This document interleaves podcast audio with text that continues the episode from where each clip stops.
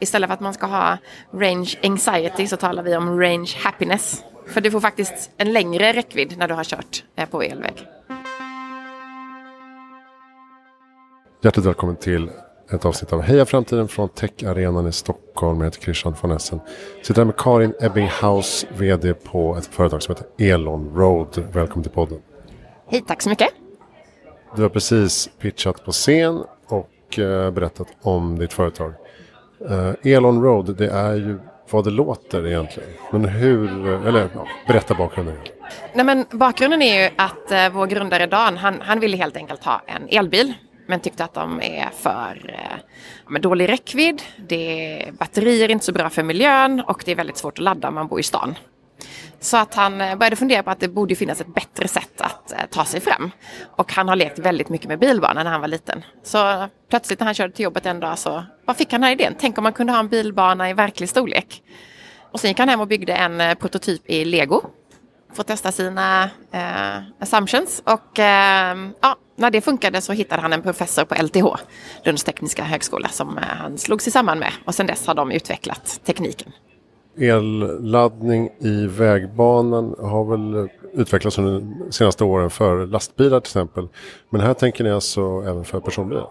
Ja, vi tänker alla bilar. För att om man ska se den riktigt stora klimatnyttan så är det så att 90 procent av alla batterier finns i personbilar. Så om man inte kommer åt dem så gör man inte den största klimatnyttan.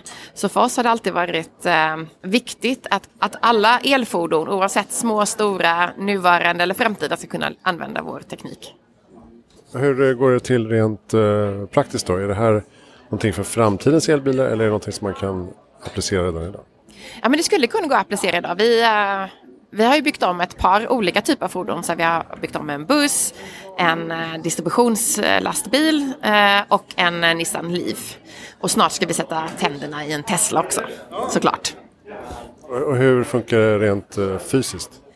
Ja, men under bilen så har vi som en metallram eh, där det fälls ner släpkontakter. För vi har ju då en fysisk eh, kontakt mellan bil och skena. Det kallas för konduktiv laddning. Eh, och det är för att vi ska kunna överföra så höga effekter som möjligt med så lite energiförluster. Eh, och sen så behöver vi ha en eh, ombordladdare kallas det för. Eh, vi överför DC eh, från vägen och då måste vi kunna ha rätt ström in i, in i batterierna sen. Så då måste vi omvandla det i bilen. Så det är en metallram och en ombordladdare. Ja, men lite som bilbanan då helt enkelt. Alltså metall mot metall. Ja, men det är väldigt likt. Och det är klart, det finns ju i Sverige testas lite olika tekniker just för elvägar. Eh, det är ju pantograflösning som är vajrar i, eh, högt upp i luften. Det är induktiv eh, laddning. Men vi tycker att vi har den smartaste eftersom vi har en uppkopplad skeda som innehåller en mängd sensorer. Så att vi samlar rätt mycket data också. Och vad är nästa steg då? Det måste ju bygga till väldigt stor grad på partnerskap och samarbete. Absolut. Eh, vi är ju, har ju en produkt som måste integreras eh, på många sätt. Dels i fordonet och dels i vägbanan. Så det är inte så att bara vi kan bestämma. Eh, men det finns ju politisk vilja skulle jag vilja säga för detta. Inte bara i Sverige utan i Europa. Eh, för man vill se att 30 procent av CO2-utsläppen kommer ju från vägtransporter. Så man måste ju lösa det för att kunna nå klimatmålen. Eh, men vi tittar ju även på eh, slutna system som vi kallar det, för exempel hamnar, eh, gruvor, alla sådana ställen där du kanske har ett mindre område där du bestämmer över fordonen och kan ganska snabbt implementera någonting. Så det ser vi kanske som en första, ett, en inkörsport till tyngre laddning. Tänk sen lantbruket där man får elfordon. Absolut. Alla fordon egentligen tycker vi har nytta av det här där stillastående kostar pengar. Det är ju det, jag menar för dig och mig när vi kör vår bil, det är ju, den står ju still 97 procent av tiden. Men för kommersiella aktörer, taxi eller budbilar eller någonting annat, eller för den delen en, en stads eller kommuns eh, olika tjänstefordon, de ska ju nyttjas hela tiden. Och då tycker vi att vi ska kunna nyttja fordonet i större utsträckning så vi inte behöver ha så många fordon.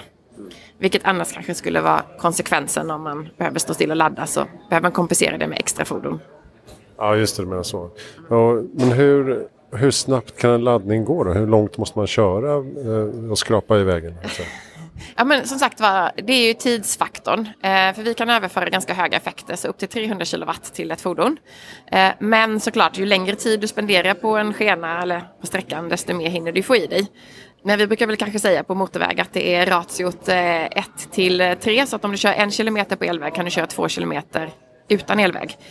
Och vi överför ju så mycket effekt att du kan använda både för framdrift och ladda ditt batteri. Så att egentligen, eh, vi talar ju istället för att man ska ha range anxiety så talar vi om range happiness. För du får faktiskt en längre räckvidd när du har kört eh, på elväg. Och hur krångligt är det att implementera på befintliga vägar? Då? Alltså det, det, måste vara stora infrastrukturkostnader det, kombinerat med det. Den stora infrastrukturkostnaden kommer inte vara vår skena utan det att det ska finnas ett eh, fungerande elnät vid sidan om. Så det är ju det som kommer eh, i områden där det inte finns elnät så är det, det är ju den utbyggnaden som kommer ta tid. Men som sagt var, Trafikverket håller ju på nu att handla upp eh, en sträcka tre mil mellan Örebro och Hallsberg. Så då hoppas vi att, att det blir vår teknik de väljer. Perfekt, så då är det med och slåss om det? Absolut.